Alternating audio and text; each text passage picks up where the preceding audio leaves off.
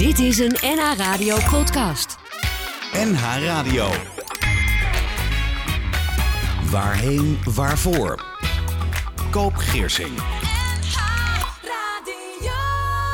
Je geeft een verlies geen plek. Je verweeft het met je leven. Welkom. Je luistert naar een nieuwe aflevering van Waarheen Waarvoor op NH Radio. Ik ben Koop Geersing en ik mag ook in deze aflevering praten met een gast over verlies, in dit geval van je kinderen. Over rouw, verdriet, leven en dood, door het dal gaan en weer uitklimmen. Afleveringen zijn als podcast te beluisteren via nhradio.nl en alle andere podcastplatforms. Bjorn Visser is voorganger bij de Hanzekerk Nijmegen. Hij schreef het boek Papa's Rouwen ook, een uitgave van Stichting Rouwkost. Hierin vertellen twaalf vaders over het verlies van hun kinderen. Bjorn mocht het eerste exemplaar van het boek uitreiken aan Maarten van Ooyen, staatssecretaris van Volksgezondheid, Welzijn en Sport. En Bjorn zegt: Nooit had ik kunnen bedenken dat mijn eigen pijn zo helend kan zijn voor anderen. En daarnaast ging ook de documentaire Papa's Rouwen ook in première en werd Stichting Rouwkost gepresenteerd. Mijn gast is een van die vaders die in het boek en de documentaire vertelt over het verlies van twee kinderen. Hij woont in Nijkerk, is getrouwd met Maaike en is vader van Jill. En die is stilgeboren in oktober 2014 na een zwangerschap van 20 weken. Van Paul, en die is geboren in 2016. Van Yara, stilgeboren in februari 2021 na een zwangerschap van 37 weken. En vader van Lucas, en die is dit jaar geboren. Mijn gast is Indirect Tax Analyst. Ik spreek het maar op zijn Engels uit. Noemt zichzelf een leergierig persoon die voortdurend zijn kennis wil vergroten. En daarnaast typeert hij zichzelf als een doorzetter die zich door tegenslagen niet uit het veld laat slaan en probeert er het beste van te maken. Wesley de Bie, welkom. Dankjewel. Wat doet een indirect tax analyst? Uh, we zorgen er eigenlijk voor dat de aangiftes voor de indirecte belastingen, dus de meest bekende daarin is de omzetbelasting, wordt gedaan. Ja, een belastingman eigenlijk. Ja, zou ik kunnen eigenlijk zeggen. ja. Kennis ja. van. Ja. Ja. Dat is wel ingewikkeld genoeg, denk ik. Hè? Ja, Ja. Ja. Je hebt een eh, financiële achtergrond. financieel en fiscaal. En fiscaal. Ja. ja, nou heel goed. Je houdt ook van sport. Eh, Ja. Van knutselen. Wat knutsel je? Eh, miniatuurmodellen. Oh, auto's, vliegtuigen. Tanks met name. Oh, tanks. Doe Ja. maar. Oh ja, speel je ook eh, slag? nee, nee, nee, dat niet. Nee, ik schil dus, ik zet ze in elkaar en, en dat was het. En dan krijgt het een plekje. Ik ergens. krijg het een plekje. Ja, op een, op een plank. Ja. Ja, mooi. En je houdt er natuurlijk van om tijd door te brengen met je gezin. Ja. Ja. Hoe combineer je dat allemaal met je werk? Eh, ja, het werk is door de week en dan het weekend probeer je wat met je, met je gezin te doen. Ja. ja. En wat, wat doen jullie zo al samen? Eh, nou ja, nu is er natuurlijk meer verplichtingen. zwemmen van Paul. Eh, Ja. Hoe, hoe oud is Paul inmiddels? Paul is zes nu. Oh ja. Ja. Is bezig voor zijn diploma. Bezig voor zijn diploma. Gaat het goed? Hij begint nou richting het einde te gaan van zijn A-diploma. Dus ja, gelukkig wel. Ja. je gaat altijd mee. Eh, nee, niet altijd. Meestal eh, in het begin altijd mijn vrouw. Ja. En eh, nu wisselt het een beetje af. Ja. Lucas is dit jaar geboren. Ja. Op het moment dat je het verhaal in je boek schrijft, moet hij nog geboren worden. Ja. Was dat spannend? Ja, de hele zwangerschap daarin was spannend. En eh, nou ja, goed, dan hoor je natuurlijk ook al die verhalen van al die andere vaders. En je weet natuurlijk dat het niet altijd goed gaat. En ja, goed, dat, eh, Ja, want die ervaring hebben jullie. Die ervaring hebben we. Ja. Gaat het goed met hem? Het gaat nu goed met hem. Ja. Ja. Oké, dat begint ook alweer een kereltje te worden natuurlijk. Ja, ja dat is een uh, beide mannetje. Ja. Hij is al een eigen wereldje aan het creëren. Dus eh, Oh ja? ja, Dat merk je nu al. ja, als hij dan eh, iets niet wil of zo, dan eh, kan hij echt wel eh, flink krijsen en flink boos worden. Oh ja, ja, Ja, ja. dat je gezicht lacht in ieder geval. Ja, dus ja. je, je vindt het ook wel mooi Ja, ik eigenlijk. vind het hartstikke mooi. Ja, je bent vader van twee jongens en twee meisjes. Ja. ja. Jij en je vrouw Maaike, ja, die hebben nogal wat meegemaakt. Hè? Je hebt twee maal een stille geboorte ervaren. Hoe, hoe gaat het daar vandaag mee met jullie? Hoe, hoe sta je er vandaag in? Ja, vandaag goed. Eh, ja, het is eigenlijk elke keer anders. En het ene moment dan sta je er heel erg, eh, ben je er heel erg mee bezig. En dan gaat het misschien wat minder. En op andere momenten, ja, dan leef je er gewoon mee. En gaat gewoon goed. Ben je gewoon aan het genieten van de dingen die er nu zijn. Lukt dat ook? Ja, dat lukt op momenten wel. Ja. Ja. ja. En als je er heel erg mee bezig bent, eh, hoe uitzicht dat? Nee, dan ben je gewoon wat meer te neergeslagen. En eh, ja, dan heb je wat korter lontje als anders. Ja, zo met name. En, en merk je dat ook op je werk of, of juist thuis? Eh, Je nou werk je misschien nog, eh, heb je- ben je misschien nog afgeleid of zo? Of Ja, dat klopt. Maar kijk, nu, eh, nu natuurlijk na die coronaperiode is er nog steeds wat meer thuiswerken. Ehm, ja, eigenlijk kan ik me wel gewoon op mijn werk richten. Als ik daarmee bezig ben. Het is dan vaak de momenten dat je, als je alleen bent... of ja, als je daar net bent geweest of bij het graf.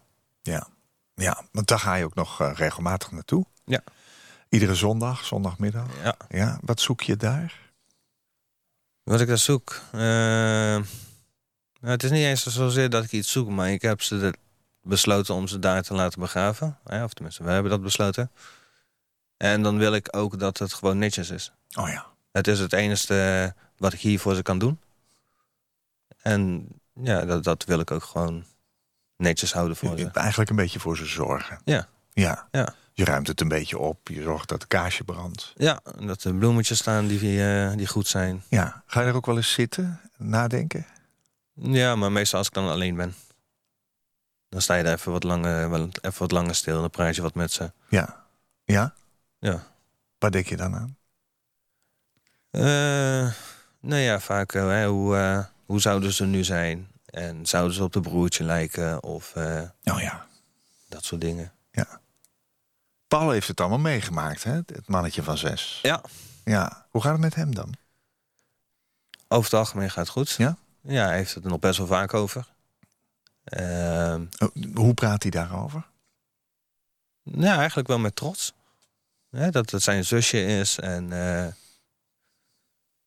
ja, daar is eigenlijk best wel heel trots over. Maar je merkt wel dat, dat het hem wel bezighoudt. Ja. Ja. Ja. Het is niet iets wat gebeurd is en wat hij weer vergeten is. Nee, Nee. Nee. J- jij wilde, lees ik in het boek, dolgraag vader worden. Hè? Je zag het helemaal voor je om met je kinderen te spelen, ze te helpen bij het opgroeien. Wa- waar kwam dat gevoel vandaan? Weet je dat ook? Heb je dat altijd gehad? Ja, ik heb dat eigenlijk altijd wel gehad. Ik, eh, ja, ik weet niet. Kinderen, ik wou altijd heel graag kinderen. En ik vond eh, kinderen altijd al heel erg leuk. Ja. En eh, dat wou ik ook graag voor mezelf. Ja. Dus eentje die, eh, ja, of niet, meerdere dan. Die ik zelf mijn eigen normen en waarden mee kon geven. Die Ja. ik belangrijk vond. Wat voor waarden waren dat? Wat, wat zijn de dingen die je mee had willen geven aan je meisjes in ieder geval... en die je nu wel aan Paul en Lucas kan meegeven? Nou ja, goed, dat ze in ieder geval gewoon eh, dat ze geliefd zijn. Dat ze in liefde mogen opgroeien. Eh, er zijn altijd wel dingetjes dat je denkt van, nou, dat had je misschien anders moeten doen. Maar dat je ze daar ook, ook op kan wijzen. En eh, ja, ik vind gewoon het, opvoeden in liefde vind ik heel belangrijk. Ja. Ja. Komt dat ergens vandaan? Nou, nee, ik heb op zich heb ik het prima thuis gehad. Alleen, eh, ja, je wilt het toch eh, op je eigen manier ook doen. Ja. Je wilt het ook doorgeven misschien, hè? Ja. Ja, dat zou kunnen. Na een, een lang medisch traject, hè, je wilde heel graag vader worden... raakte jij en eh Maaike toch nog eigenlijk ook onverwachts in verwachting. Je voelde je toen de gelukkigste man op aarde... totdat Maaike zei dat ze de baby niet meer voelde. Hè. Zo begint jouw verhaal ook in het boek Papa's rouwen ook. Waarom wilde je daarin uiteindelijk je verhaal vertellen? Waarom heb je meegewerkt aan dat boek? Omdat ik zelf wel merkte dat wanneer je met, met lotgenoten praatte... dat je daar een hele hoop steun aan kon, uit kon halen. Ehm, nou, het, ik kreeg de vraag of ik daar aan mee wilde werken. En ik denk, nou ja, als zou ik één iemand mee helpen... dan is mijn doel daarin bereikt. Ja, ja, Ja, je hebt daarin jullie verhaal verteld. Ja. Je bent erin eh, ontzettend open, eh, maar ook kwetsbaar. Hè. Je, je vertelt ook over spanningen tussen jou en Maaike. Over eh, je geloof. Hè. Je bent uiteindelijk tot geloof gekomen. En wat je daarin eh, gehad hebt. Ehm, je hebt ook meegewerkt aan het documentaire Papa's Rouwen ook. Hè. Daarin ontmoeten vijf van de vaders uit het boek elkaar om in gesprek te gaan over het verlies van hun kinderen. Je bent dan een van die vijf vaders. En jullie zitten een beetje in een kring. En het, het is af en toe heel emotioneel. Wat leverde dat voor jou op? Eh, dat je ook gewoon dus in een wat kleinere groep met elkaar in gesprek ging. Ehm, nee, je, je bent daar een hele dag. Dus je hebt toch ook mooie momenten. En ja, we hebben een hoop gelachen zeg maar, buiten, buiten de opnames om. Het is natuurlijk een, een mooie, mooie ervaring om mee te maken. Ja, zou je kunnen zeggen dat het ook echt een mooi gesprek eh, voor Absoluut. je is, ook al is het nog zo verdrietig? Ja, absoluut. Ja. Ja. Herkende je ehm, in de verhalen van de andere vaders jezelf? Ja, sommige dingen herken je eigenlijk heel goed. Dan denk je van ja, dat heb ik precies zo gedaan. Ja. En waar zit hem dat dan in, bijvoorbeeld? Nou, eigenlijk dus bijvoorbeeld dat iedere, elke vader dus in de week na het overlijden... eigenlijk gelijk in een regelmodus terechtkomt. Deed jij dat ook? Ja. Je bent dan eigenlijk alleen nog maar bezig om te zorgen van... nou ja, we hebben nu een week tot aan de, de begrafenis. En wat moeten we allemaal doen om te zorgen dat het allemaal eh, nou ja, gebeurt zoals we dat willen? Mhm. Ja, en dan ben je eigenlijk ben je daar alleen maar mee bezig. Dan was het bij ons nog zo dat Paul ook in die, eh, in die week zijn verjaardag had. Dat hij vijf werd. En eh, ja, we, we wouden hem toch wel gewoon zijn verjaardag geven. Ja. Is dat gelukt? Ja, dankzij vrienden. Die hadden eh, een kinderfeest voor hem georganiseerd. En eh, die hadden het hartstikke leuk gedaan met allerlei eh, ja, spe- spelletjes en eh, noem maar op. Ja. En toen kwamen een hele hoop mensen. We hadden gevraagd aan de mensen vanuit de kerk... van, joh, eh, Paul is ook jarig. En eh, zouden jullie een kaartje voor hem eh, op de bus willen doen? Of, eh, Dus jij kreeg een hoop kaarten. Hij kreeg een hele hoop kaarten. Hij heeft tegen de 100 kaarten gehad. Zo. En eh, Ja, kwamen een hele hoop mensen langs om Ja. een cade- een cadeau te brengen. Dus, eh, nou ja, en dat, kijk, we- dat voor ons het belangrijkste... of in ieder geval voor mij het belangrijkste was... dat hij aan het eind van de dag zei dat dit de mooiste verjaardag ooit was. Dat zei hij. Dat zei hij. Ja. Ja. ja. Er is wel iets om dankbaar voor te zijn dus. Ja, zeker. Kijk, en terwijl zijn zusje natuurlijk boven eh, overleden op de, op de kamertje lag, op een koelplaat, was dat mannetje helemaal gelukkig dat hij de mooiste dag van zijn leven had. Ja. Ja, dat kan dus naast elkaar blijkbaar. Ja, Ja. Je zei, ik herkende in de gesprekken met die andere vaders... dat wij allemaal als man in de regelmodus gingen. Hoe was dat voor jouw vrouw Maaike? Ging die dat niet? jawel, zeker wel die, die, Die die moest week. herstellen ook natuurlijk. Ze moest lichamelijk herstellen. Ehm, dus daar ben je mee bezig. Ze moest natuurlijk ook wat uitrusten. Je wilt je kind nog vasthouden, zoveel als je kan. Ja. En nou ja, dan heb je nog de afspraken met, de- met de uitvaartondernemer. En eh, nou, er moeten beslissingen genomen worden. Ja. Welk kaartje doe je? eh, welke kist neem je? Ja. Dus ja, daarin moet je eigenlijk wel. En als je dan natuurlijk ook nog Paul hebt rondlopen... die heeft ook zijn aandacht nodig en de, en de zorg nodig. Ja, wat deed dat met jouzelf dat je zo in die regelmodus ging? En dat je ook voor hem moest zijn, ook eh, voor een kistje moest zorgen. Heb je, was dat lastig of heb je dat pas achteraf ervaren? Nee, dat heb ik pas achteraf ervaren. Kreeg Op dat je, moment kreeg je hem je terug op de een of andere manier? Mm, Daar heb ik bij jaren eigenlijk niet echt de tijd voor gehad.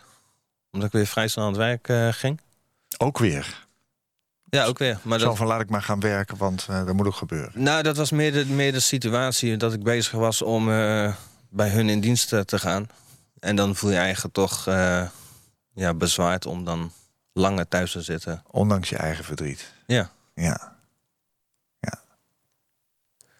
dus, eh, dus eigenlijk is dat zo gegaan. En dan, ja, ik weet niet of ik bij ja, na jaren zeg maar heel veel tijd heb gehad om te rouwen zelf. Om gewoon alle dingen die eromheen speelden en die ook door moesten, voor mijn gevoel. Ja. Ja. Mijn gast in deze aflevering van Waarheen Waarvoor is Wesley de Bie. In het boek Papa's Rouwen ook lees ik... Ik ben nog steeds boos op God over het verlies van mijn twee dochters. Wel heb ik me erbij neergelegd dat ik in dit leven geen antwoord ga krijgen op de vragen die ik heb. Ik denk wel, als ik straks bij God kom, dan zal ik die vragen nog wel eens stellen. Maar ik denk dat als ik op dat moment mijn meisjes zie en naar ze toe ren en ze knuffel, ik die vragen onmiddellijk vergeet. Wesley, hoe verschillend ben jij destijds omgegaan met het verlies van Jill en van Jara? Ja, heel erg verschillend. Uh, bij Jill ben ik eigenlijk volledig ingestort. Hoe uitte zich dat? Ik kon helemaal niks meer.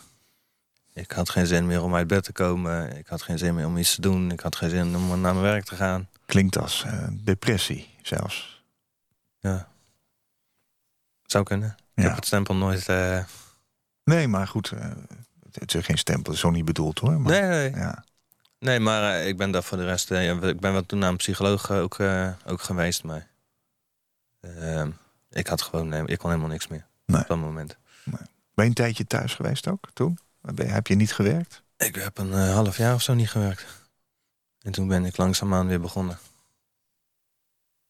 Heel langzaam opgebouwd van een paar uurtjes. eh, uiteindelijk weer, eh, ik denk na een jaar of zo, dat ik weer helemaal terug was. Voelde je dat het beter ging daarna? Dus kwam dat in jezelf op? Nee, maar kijk, op een gegeven moment ben je een paar keer een paar uurtjes geweest. Omdat het ook in overleg met de, met de bedrijfsarts gaat. Nou ja, dus je hebt wel wat hulp gehad, zeg maar, van buiten. Ja, Ja. en eh, nou ja, het traject bij de psycholoog was, eh, was afgerond. Ja, en dan op een gegeven moment moet je dan toch weer. Hoe was dat, dat traject bij die psycholoog? Heb je daar, eh, had je daar een goed gevoel bij? Nou, nee, ik heb een paar keer heb ik eh, EMDR gehad. Wat is dat? Ook alweer? Ja, een, een traumatherapie. Ehm, en ja, dat, dat was niet echt iets voor mij. Het hielp je niet. Nee, niet per se. Nee, Misschien onbewust wel, maar op dat moment had ik zoiets van... ja, nee. wat doe ik hier? Terwijl jij dit gevoel had, hoe ging het met jouw vrouw Maaike? Nou, die heeft zich in het begin... eh, was zij heel sterk. Toen ik dus echt niks meer kon. Ja, na het overlijden van Jill. En eigenlijk na dat ik dus weer iets begon op te pakken... toen stortte zij eigenlijk in. Ja. Kon jij dat toen aan? Mm, nee, niet echt. Zij heeft eigenlijk ook heel veel echt zelf moeten doen. Ja. Ja. Ja. Je hoort wel eens dat mensen die het verlies van een kind eh, eh, ervaren... dat dat lastig is in de relatie. Hoe was dat bij jullie? Eh, dat was bij ons ook zo. Kijk, je gaat alle twee zo anders met je, met je gevoelens om en met het rouwen om. Ja. Dat deden jullie dus verschillend. Ja. Zij, eh, nou ja, dat zeg ik. Ik had eh, dat ik echt helemaal niks kon. En eh, zij was op dat moment heel sterk. Kon zij jou niet helpen op dat moment? Ja, dat, dat deed ze voor zover ze kon. Je liet het niet toe misschien ook. Nee. Nee. Kijk, ik ben sowieso iemand wie mij dan heel gauw afsluit. Ja, is dat zo? Ja. En ja, ik denk dat zelfs zij... dat ik zelfs haar niet toeliet daarin. Nee. Om mij te helpen. En eigenlijk toen ik dus weer eh, wat begon te doen... toen had zij het heel moeilijk. Kon jij haar helpen op dat moment? Nou ja, ook niet echt, omdat ik dan op dat moment had van... ja, maar je bent, eh, je bent er nu toch ook wel een beetje uit. Oh ja. Nee, ik had dus niet door dat zij dus al die tijd was doorgegaan... toen ik het niet kon. Ja.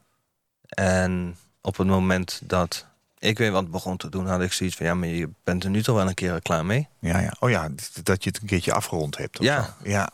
Ja. Heb je dit soort dingen ook gehoord in je lotgenotengesprekken? Zijn, Eh, zijn, zijn dat nou ja, wel- herkenbare dingen voor andere vaders die dit meegemaakt hebben? Nee, ja, wel, wel dat het echt begint te schuren, zeg maar, in, in, het, eh, in de relatie, in de huwelijk. Eh, vanwege de feit dat ze er anders mee omgaan. Ja. En dat daar dus op een gegeven moment ja, gewoon onbegrip en elkaar niet meer kunnen vinden. Niet meer met elkaar kunnen praten erover. En dat het daar dan nou ja, op stuk kan lopen. ja, dan loop je vast. Ja. Ja. Had je veel hulp van vrienden, van familie, ouders? Ja, kijk, zoals toen bij Jill hebben we heel veel aan onze ouders gehad. Ehm, bij jaren hebben we heel veel met vrienden en, met aan, en aan onze ouders gehad. Ja. Alleen het lastige blijft gewoon dat niemand weet hoe jij je echt voelt. Nee. En je moet dat ook echt zelf doen, hè? Je moet dat zelf doen. Ja. Eh, ze weten niet hoe het is om een kind te verliezen. Gelukkig. Ehm, en dat, dat mis je dan. Ja, mis je dat? Ja. Kijk, want dat was zeg maar, de eerste bijeenkomst die we hadden voor het boek. Ja. Dan heb je eigenlijk al gelijk die klik, ondanks dat je elkaar helemaal niet kent. Nee. Voel je gelijk die klik, omdat je weet van elkaar hoe je je voelt. Ja. Heb je alle vaders ontmoet uit het boek? Ja. Want er zijn er twaalf en jullie zitten met z'n vijven in die documentaire. Ja. Ja. Ja, we hebben van tevoren hebben een aantal eh, bijeenkomsten gehad.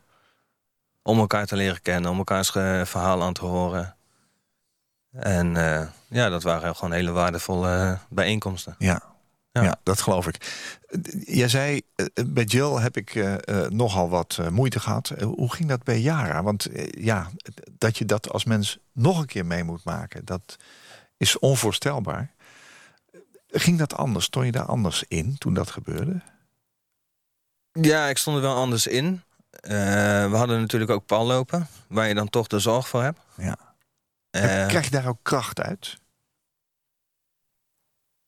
Ja, misschien wel. Ik weet niet of het heel erg kracht is of dat het gewoon... Voor hem kan je zorgen. Dus dat wil je dan ook doen. Zo goed als je kan. Eh, om te zorgen dat hij er ook niet, niet heel veel last van gaat krijgen. Mhm. En dat hij eh, ook voor hem, zeg maar, dat het verweven gaat worden in zijn leven. Ja. ja, maar kon je ook echt van hem genieten? Stapjes, Ja. de stemmetje, herkenning. eh. Hoe hij ermee omging met Nee, Jara? het, hoe hij eh, was in het leven. Dat je denkt van, goh, ik, ik, ik, door naar hem te kijken ben ik gelukkig of zo. Ja. Ja, Dat, dat lukte wel. jawel. Ja. Ja. Ja. Kijk, natuurlijk, eh, dus- dus natuurlijk zijn er wel momenten dat je denkt van ja, dit had ik ook met, met Jill willen hebben. Ja, Toen- tuurlijk. Ja. Of hoe, hoe, hoe zou Jill nu zijn geweest? Hè, die zou dat eh, ook al hebben gehad. Of Ja. die zou dat eerder hebben gehad. Of, Ja. eh, Was de rouw anders bij Jara? Zou je dat kunnen zeggen? ja, voor mijn gevoel wel. Dus ik ik weet nog niet of ik nou heel erg in de, in de rouw echt ben geweest. Ehm, maar hetgene wat ik tot nu toe heb meegemaakt is dat wel echt anders, ja. Bijna omdat je ervaring had. En dus wist Ja, misschien wel. wat je kon verwachten van, je, van jezelf. Ja, misschien wel. En eh, nou ja, dat zeg ik ook gewoon de situatie. Hè, dat je weer snel aan het werk moest. eh, dat je de, je zoontje hebt rondlopen. Ja. Eh, ja, en inderdaad toch dat je het al een keer meegemaakt hebt. Ja, ja. Het boek heet Papa's rouwen ook. Hè? Eh, rouwe papa's anders dan mama's? Ik heb die vraag wel eens vaker aan een gast voorgelegd in Waarheen Waarvoor. Maar, maar hoe zie jij dat? Ja, is er ik een denk, verschil? ik denk het wel. Ja. Ik denk ook dat de, de verwachtingen naar vaders heel anders is.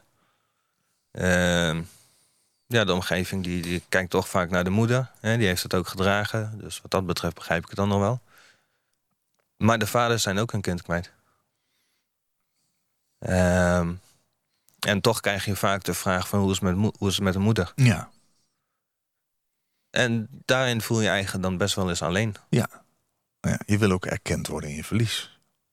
Ja, Ja. Ja. Kl- Klopt het dat eh, vaders ook wat sneller misschien in die regelmodus schieten, omdat ze ja, op de een of andere manier van binnenuit denk ik moeten voor zorgen? Misschien ook wel omdat die moeder het gedragen heeft. Dat je hetzelfde gevoel als het ware hebt als een, als een buitenstaander, die dan vraagt van hoe is het met de moeder. Ja. Maar dat je als vader misschien ook die rol aanneemt.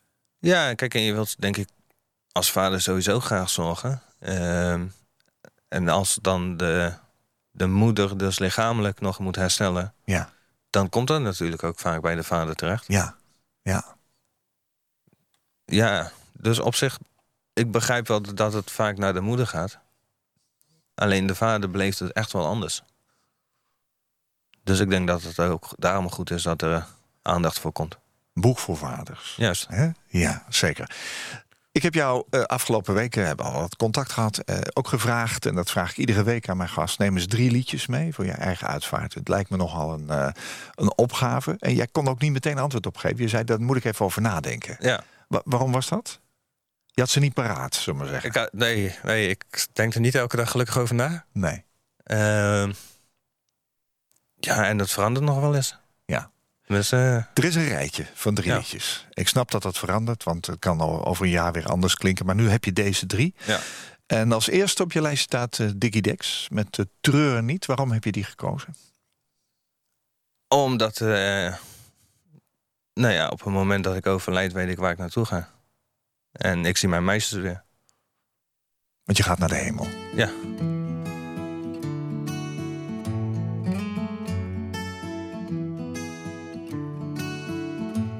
Als de klok luidt, de tijd is, ik zing voor de laatste keer. Als ik daar lig in vrede, zing deze dan nog een keer. Ja, heb je ooit wel eens bedacht wat je zou zeggen? Als je straks daar ligt voor hen die jou kennen. Wat zijn de woorden die je mee zou willen geven? Hier, dus bij deze, mijn ode aan het leven.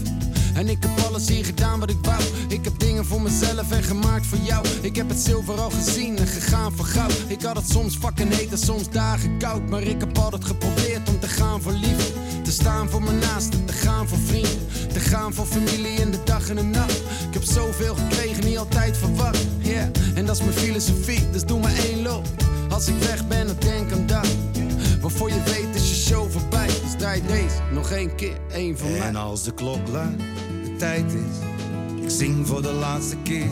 Als ik daar lig in vrede, zing deze dan nog een keer. En als de klok luidt, bouw dan een mooi feest voor mij. Zo'n eentje die doorgaat, doorgaat voor altijd. En mocht ik heen gaan, ergens,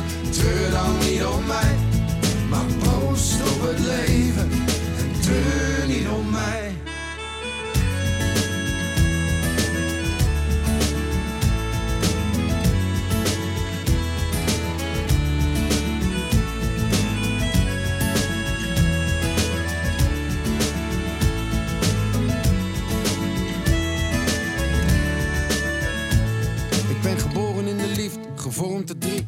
Maar ging mijn eigen weg, koos voor de muziek. Soms koos werkeloos, geen geld op de bank. Soms over een shows en was de held van de stad. Maar ik heb altijd geprobeerd om te gaan voor echt. Dat lukte vaak wel, maar soms niet echt. Ik heb mijn zinnen afgemaakt, elk woord gezegd. En ik ben overal geweest, Zuid, Oost, Noord, West. En ik ben brook geweest en ik heb buit gemaakt. Ik heb liefde gekend en ook weer uitgemaakt. En ontzettend veel gehouden van haar en van hem. En ze weet, want ik het zo vaak gezegd. Yeah. En dat is mijn filosofie, dus doe maar één loop. Als ik weg ben, zeg het nog geen keer. Waarvoor je weet is je show voorbij. Dus draai deze nog één keer, één van mij. En als de klok luidt, de tijd is, ik zing voor de laatste keer. Als ik daar lig in vrede, zing deze dan nog een keer. En als de klok luidt, bouw dan een mooi feest voor mij. Zo'n eentje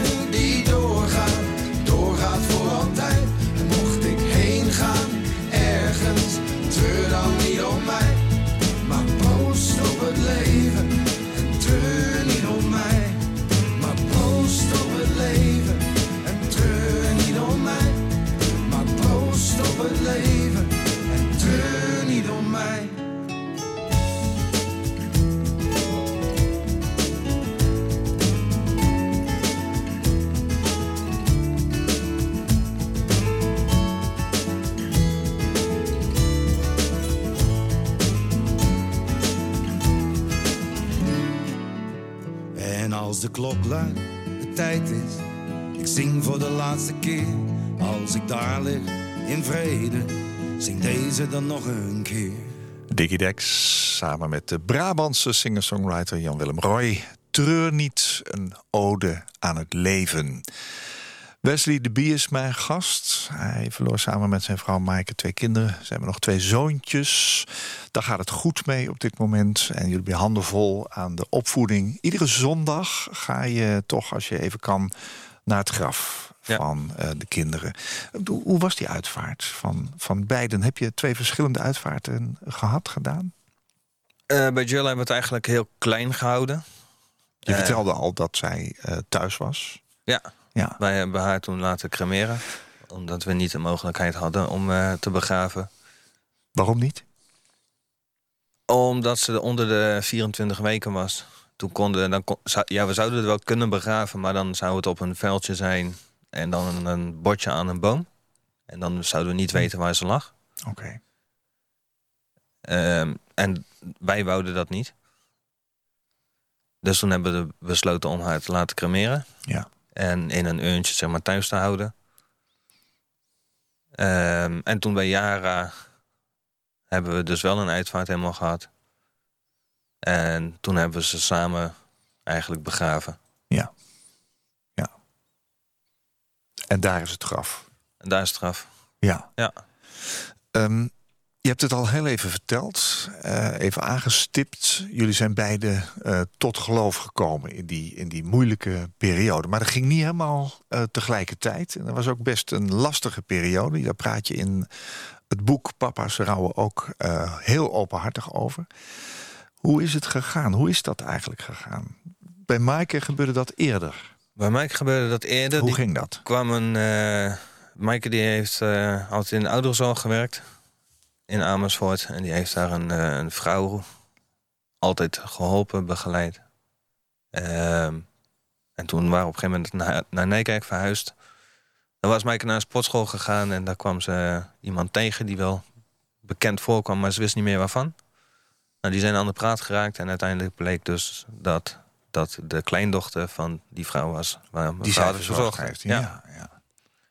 Ehm, nou goed, die ging op een gegeven moment een keer mee naar de kerk. En nou ja, ik was boos op alles wat maar eh, met geloof te maken had. Je was überhaupt boos. Ik was überhaupt boos op Ja, alles. Dus ja. ja.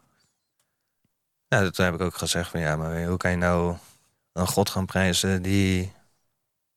Nou ja, als die gaat overleven en dood en mijn kind is er niet meer. Ja. Dus ik had daar geen begrip voor. Nee. En daar hebben we ook een hele hoop strijd over gehad thuis. Ja? Ja, ik zeg van, ik wil hier niks mee te maken hebben. Ik hoef hier ook niks van te zien. En eh nee, dan vergat ze nog wel eens de Bijbel. Die lag dan op tafel. En dan had ik eh, weer een stok om mee te slaan. En ehm, nou, dat is eigenlijk een tijdje doorgegaan totdat ze zich liet, eh, liet dopen.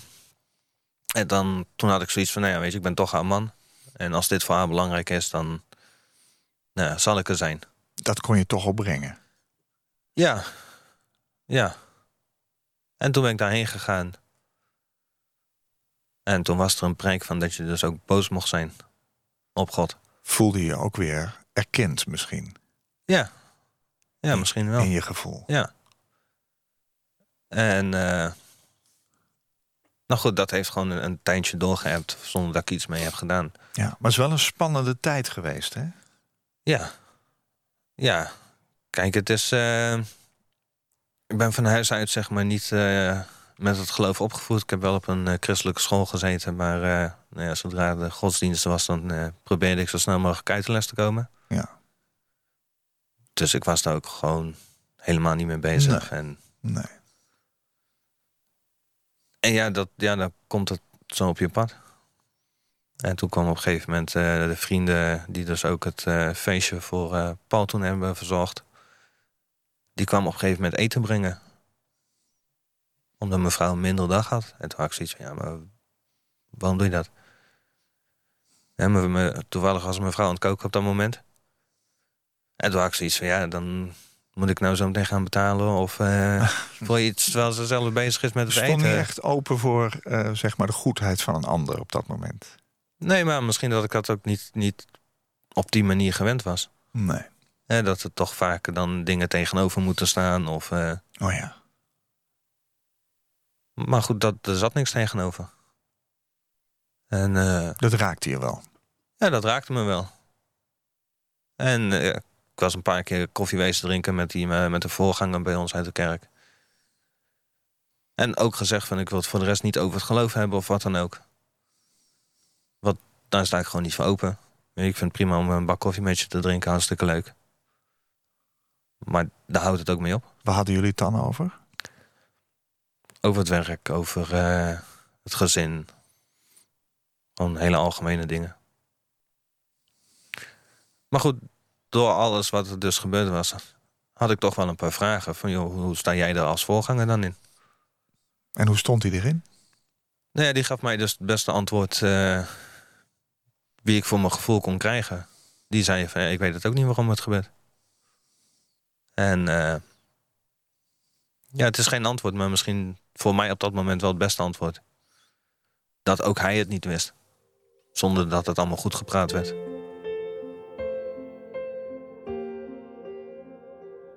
If I had only known the last time would be the last time I would have put off all the things I had to do I would have stayed a little longer Held on a little tighter Now what I'd give for one more day with you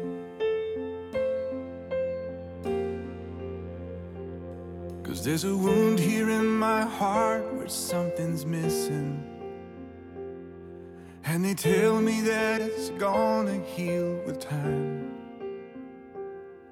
But I know you're in a place where all your wounds have been erased. And knowing yours are healed is healing mine.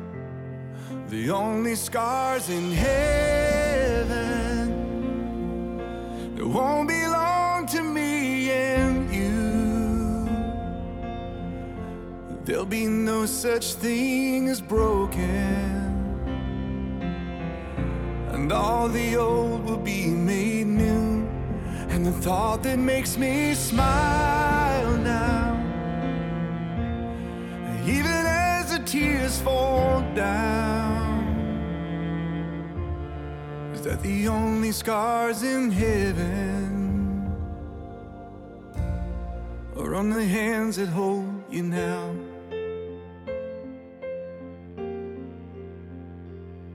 Know the road you walked was anything but easy. You picked up your share of scars along the way. Oh, but now you're standing in the sun. You fought your fight and your race is run. The pain is all a million miles away. The only scars in heaven, it won't belong to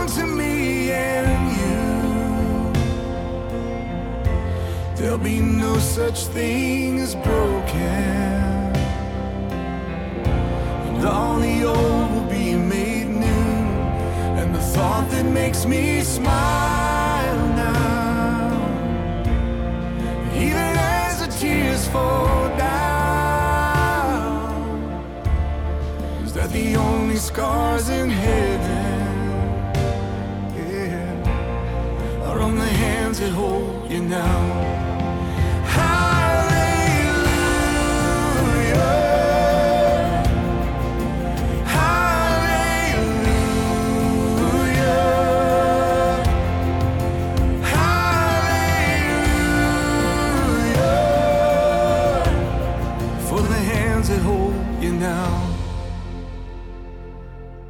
Not a day goes by that I don't see you.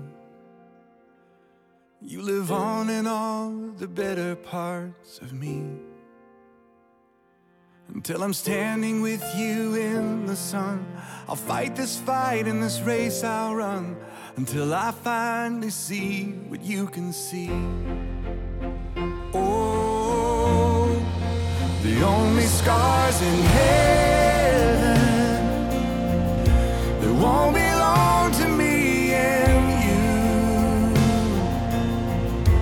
There'll be no such thing as broken, and all the old will be made new. And the thought that makes me smile now, and even as the tears fall down, the only scars in heaven? hands that hold you now. Amerikaanse band Casting Crowns geldt al jaren als uh, favoriet in de christelijke muziek. Dit was Scars in Heaven, littekens in de hemel. dezelfde band heeft ook een liedje gespeeld op de uitvaart van een van jouw meisjes, Yara. Maar niet dit nummer. Niet het nummer, nee. Nee. nee. het nummer Praise You in the Storm. Die hebben wij eh, toen gedraaid. Praise You in the Storm. Ja. Dus eh, ondanks het grote verdriet, eh, de storm in jullie leven, de rollercoaster, prijs je toch God. Ja. Ja, Ja. ja dat begrijp ik. Men zegt wel eens, er is een leven voor en een leven na het overlijden. Hè? In dit geval van jouw kinderen. Klopt dat ook wat jou betreft? Eh, is dat zo? Had je een ander soort leven toen dan dat je nu hebt? Wat, wat is er veranderd? Nou ja, kijk, je bent natuurlijk niet meer helemaal eh, eh, vrij van verdriet. Nooit meer. Hè, je mist altijd een gedeelte van je, van je hart. Ehm, dus dat neem je eigenlijk altijd wel mee. Ja. En daarin... Maar kijk je anders naar het leven bijvoorbeeld? Waardeer je ook dingen misschien meer dan dat je ooit gedaan hebt? Nu je ook weet hoe kwetsbaar het leven is.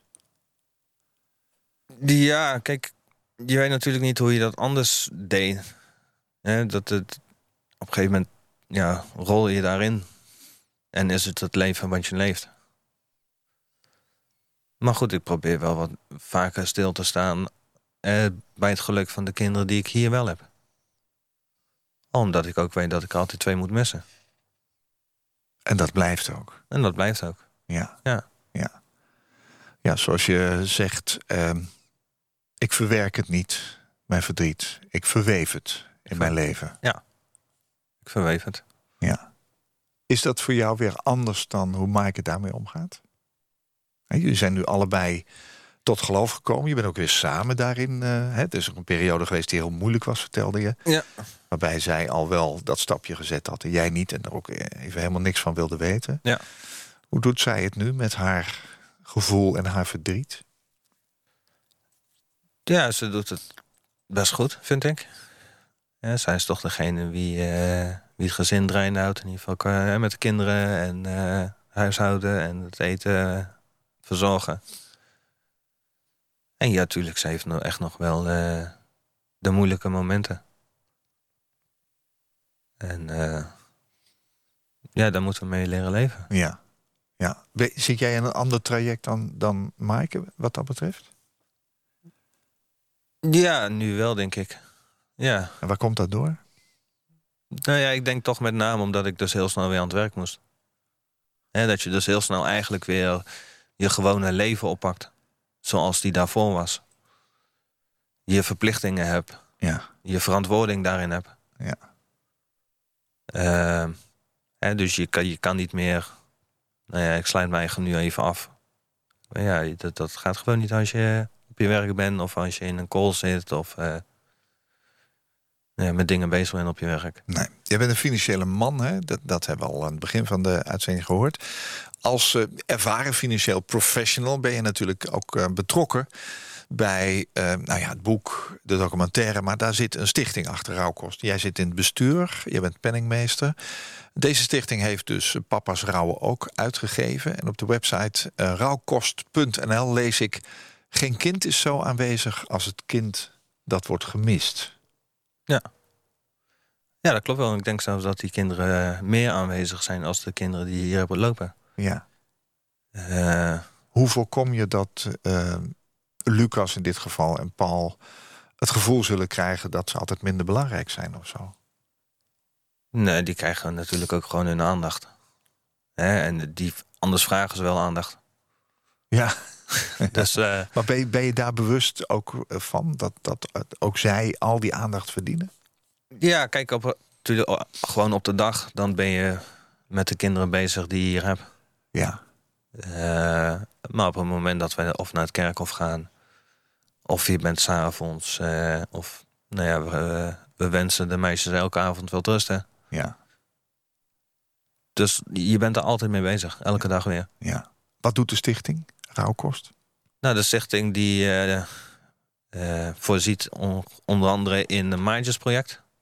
Eh, dat is waar ouders die hetzelfde meemaken contact kunnen krijgen met een van de maatjes. Om gewoon eens een, een bak koffie te drinken of eh, nou ja, een telefoongesprek of eh, net wat, eh, wat de wens is.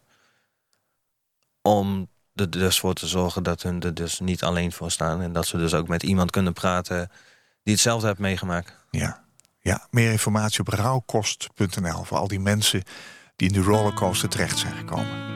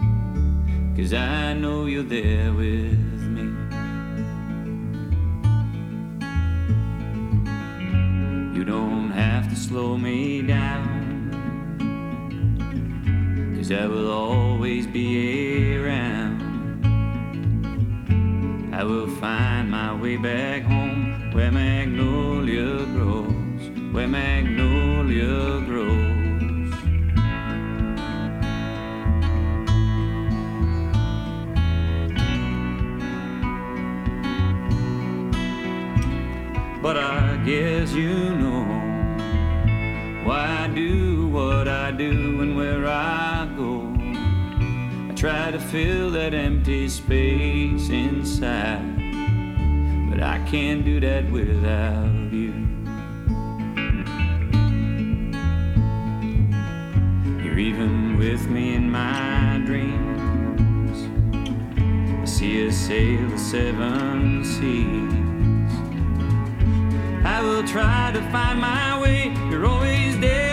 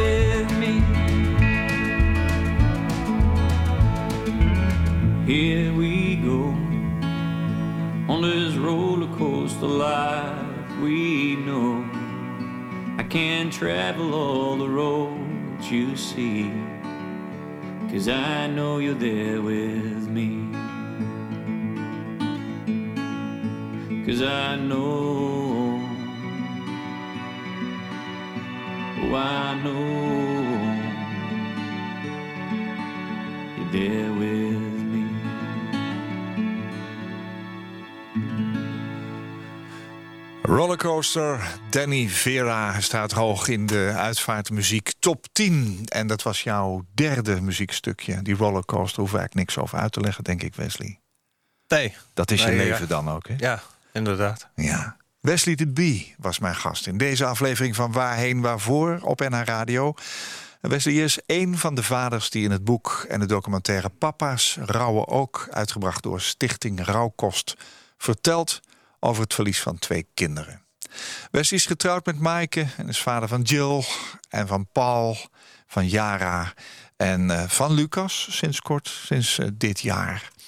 Wesley's zoon Paul is zich heel bewust van het feit dat hij twee zusjes heeft. In het boek lees ik: Op de verjaardagen van de meisjes hangen we een ballonnetje bij het graf. We gaan er ook elke zondagmiddag naartoe. Ik zorg dan dat alles netjes is en opgeruimd. Van jaren hebben we nog geen geboortedag gevierd, omdat het nog maar tien maanden geleden is. Maar als het zover is, hangen we een ballon op en steken we een kaarsje aan. Inmiddels is Maaike, staat in het boek, opnieuw 31 weken zwanger. Het gaat goed met de zwangerschap en we hebben goede hoop dat Paul straks een gezond broertje mag hebben. En dat broertje, dat is inmiddels geboren en hij heet Lucas. Wesley, dank voor je openhartigheid. Uh, voor jouw bijdrage aan het indrukwekkende boek en de documentaire Papa's Rouwen ook. Ik wens je alle goeds voor jou en voor je hele gezin. Dankjewel. En we hebben gedacht vandaag aan Jill en aan Jara. Absoluut. Ja, dankjewel. Dankjewel. Koop Geersing. Als jij een keer te gast wilt zijn in Waarheen Waarvoor... om te vertellen over jouw levensreis, laat me dat dan weten... via waarheenwaarvoor.nhradio.nl waarheenwaarvoor.nhradio.nl Dit was een NH Radio podcast. Voor meer, ga naar nhradio.nl Radio.